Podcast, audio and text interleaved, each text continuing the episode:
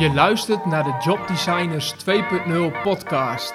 Dit is aflevering nummer 8 met Loran Vrielink. Loran, welkom eh, in de podcast. Ja, dank je. Kun je om te beginnen jezelf even kort introduceren en vertellen wat je precies doet? Ja, zeker. Ik ben Loran, ehm, oorspronkelijk uit Pijzen kom ik vandaan. Eh, ik heb de ALO in Groningen gedaan. En daarna heb ik eigenlijk de keuze gemaakt om me meer te spitsen op, het, uh, op voetbal. Ik heb 2,5 jaar geleden het bedrijf opgezet, Your Tactical Analyst. Omdat ik een gat zag in, uh, in de voetballerij waar ja, clubs nog weinig mee deden, videoanalyse. Wel allemaal team-based, maar niet individueel. En daar heb ik eigenlijk op, op ingespeeld. Dus dat betekent, jij helpt voetballers om beter te worden, want je ziet dat clubs het daar wat op laten liggen, of dat daar in ieder geval winst valt te behalen. Ja, winst zeker. Uh, is dat nou dat zij niet de kennis hebben? Mogelijk wel, alleen met name de tijd. Wij zijn toch behoorlijk veel tijd kwijt om een individuele speler te analyseren op wedstrijdbeelden. En daarnaast moet je ook uh, communiceren met een speler. Ja, als je 24 spelers in je selectie hebt, ja, welke mensen gaan het doen binnen de organisatie? Daar, zijn, daar is gewoon te weinig mankracht voor. Momenteel zijn we met z'n tienen. Uh, we hebben een aantal performance-analysten. Die begeleiden ook daadwerkelijk echt spelers. We hebben een aantal video-analysten. Die analyseren met name de beelden en coderen het en bereiden gesprekken voor. En uh, we hebben ook twee jongens die doen de social media. Je wordt of fulltime begeleid of halftime. Halftime betekent dat je twee wedstrijden per maand uh, begeleiding krijgt van ons. En die andere betekent elke week of elke wedstrijd eigenlijk. Want zoals een Stefan die speelt ja, standaard twee wedstrijden per week eigenlijk. Door alle internationale competities. Dus we hebben gewoon, ze betalen een bedrag per maand. En ze betalen, dat betekent de spelers betalen het ook uit eigen zak. Dit is een eigen investering. Klopt helemaal. Clubs hebben hier in principe niks mee te maken. Het is echt eigen uh, investering van een speler, omdat die beter wil worden eigenlijk is het jullie gelukt om gewoon voetbaltrainer te zijn van profvoetballers uh, zonder op het veld te staan. Ja, eigenlijk wel, ja. Ja.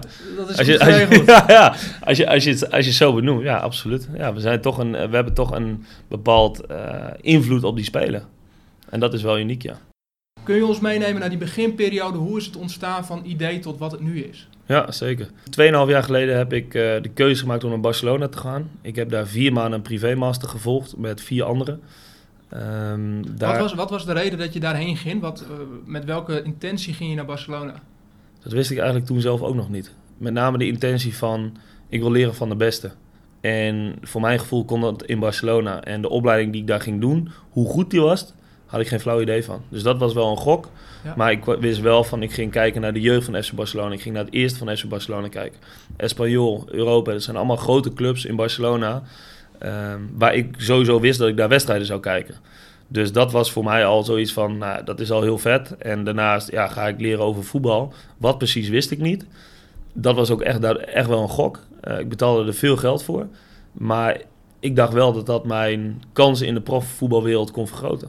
En, en meer om coach te worden dan dit bedrijf op te zetten. En wat ontdekte je in die vier maanden? In die vier maanden kwam ik erachter of eigenlijk na die vier maanden uh, kwam ik pas achter. Toen ben ik naar Leicester, Leicester City geweest in Engeland. Toen ervaar ik pas van de kennis die ik in Barcelona op heb gedaan, is echt goed. Ik ben naar een wedstrijd geweest samen met de videoanalist van Leicester City. En hij zei tegen mij, ga deze wedstrijd eens analyseren. Dat heb ik destijds gedaan. En in de rust zei hij, wat heb je? Toen heb ik verteld wat ik had. En hij zegt, ik heb precies hetzelfde op teamniveau. Maar op individueel niveau ben je veel verder. Dus hij begreep dat eigenlijk niet. En hij was toen al eigenlijk wel van onder de indruk van nou, zo'n jongen die eigenlijk uit Nederland komt, die in Barcelona heeft gezeten, eigenlijk wist. Praten over tijd en ruimte in plaats van praten over goals en kansen. En hij zei van ja, dat, dat was voor mij het moment dat ik dacht van ja, ik ben toch op een hele andere manier naar het spelletje gaan, gaan kijken. En ja, op een manier wat ik in Nederland tot dusver nog niet uh, ervaren heb.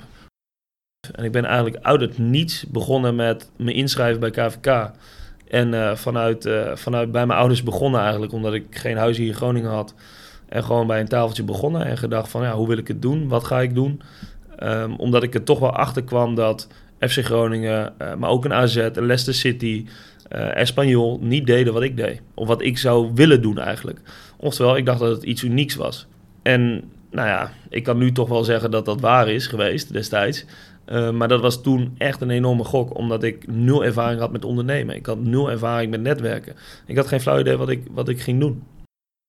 Dat komt omdat ik met name de weerstand vanuit clubs uh, voelde dat zij aangaven van, we hebben al een videoanalist, dus wat is jouw meerwaarde? Dus de meerwaarde die ik had, die kon ik niet duidelijk maken op dat moment. Ik denk dat ik die nu veel beter duidelijk kan maken. Maar destijds kon ik dat niet. Ik had geen grote namen, ik had een bepaalde methodiek, ik had een gedachte erover. Maar ik kon het niet verwoorden naar wat ik dan anders was dan de violinist op de club. Dus dat was voor mij van ja, hoe ga ik het dan vermarkten? En, en ik denk van ik ga me gewoon focussen op het individu.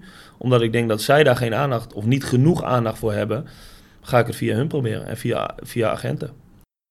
Wij zijn zelfs spelers kwijtgeraakt doordat trainers, maar ook mensen intern bij clubs uh, erachter kwamen uh, dat wij spelers begeleiden en, en het zien als ja, concurrentie of als ja, toch iets slechts. Dat, dat wij bepaalde tactieken weten van de speler en dat wij invloed kunnen uitoefenen op hun speelwijze. Terwijl onze enige um, gedachte is en wat wij willen is spelers beter maken. En hoe ga je daar dan mee om? Als je merkt van, oh, er komt toch kritiek of we krijgen weerstand. Wat doet dat met je en, en, en hoe pak je dat aan? In het begin lastig, omdat je, omdat je geen bekende spelers hebt. Je hebt misschien wat onbekende spelers die ja, mensen in Nederland niet kennen. Dus dan is het enorm moeilijk om toch maar te laten zien dat wat je doet mogelijk goed is. Uh, nu is dat heel anders, maar destijds ja, is dat gewoon enorm lastig. Je komt tegen zoveel weerstand. Um, en ook vanuit de KNVB, mensen die ja, je toch zien als, ja, wat, wat wil je precies? Omdat het niet duidelijk is. En, en met de weerstand is de kunst om te kijken, tenminste wat voor mij de kunst was, om te kijken van waar kan ik wel mensen vinden die geloven in wat ik ook doe. En mensen om je heen verzamelen die ook denken dat wat jij doet goed is. En op het moment dat je daarmee bezig gaat en daarop gaat focussen, krijg je een positieve flow. En dan hoef je niet te storen aan één, twee, drie clubs of, of mensen die ja, blijkbaar niet in jou geloven. Daarin is het toch zoeken naar, naar je eigen weg. En, um, en ja, daarin hebben ook vrienden wel gedacht van ja, wat gaat hij eigenlijk doen? Collega-trainers waren heel sceptisch. Die geloofden er niet in. En nu zijn er mensen die bij je solliciteren. Ik ben een half jaar bezig geweest om, om, om een website op te bouwen, om te netwerken, om mensen aan te spreken, mailtjes te sturen, op te bellen. En, en een half jaar lang eigenlijk voor Jan Lul. En toen kwam de zomerperiode kwam eraan. En na de zomerperiode had ik nog steeds geen spelers. Dus het nieuwe seizoen, ik had nog niks. Eerste competitiewedstrijd, ik had niemand. Nou, dan is het kijken van ja, dan, dan moet je volhouden. Nog meer presentaties geven op bepaalde uh, plekken. En destijds, Wout Brama, een toch wel bekende speler, uh, wilde het wel proberen. En uh, daarmee ben ik mee aan de slag gegaan. Toen ook nog twee Jupiler League spelers. En op een gegeven moment kwam Leroy Ver. Ja, en dan gaat het bij bepaalde mensen toch wel lopen. En, en gaan ze nadenken van ja, blijkbaar doet hij toch iets goeds. En ook bepaalde spelers, zoals een Leroy, heb ik eerst even off, off the radar gedaan. Omdat ik eerst wilde zorgen dat hij echt geloofde en echt de kwaliteit zag. En door dat hij beter wordt. Want als hij niet beter zou worden, ja, dan kan je er wel naar buiten brengen. Maar dan heb je niet tevreden klant. Laatste vraag. Stel dat ik um, geen voetballer ben, maar wel door jouw verhaal getriggerd ben omdat ik hoor hoe jij zeg maar, als niet-ondernemer, zoals je zelf zegt, uh, toch gelukt is om van je passie je werk te maken. Welke tips zou je daarin voor diegene willen delen? Geloof in, in datgene wat je doet. En zoek mensen om je heen die ook daarin geloven. En je op wat voor manier ook kunnen en willen steunen.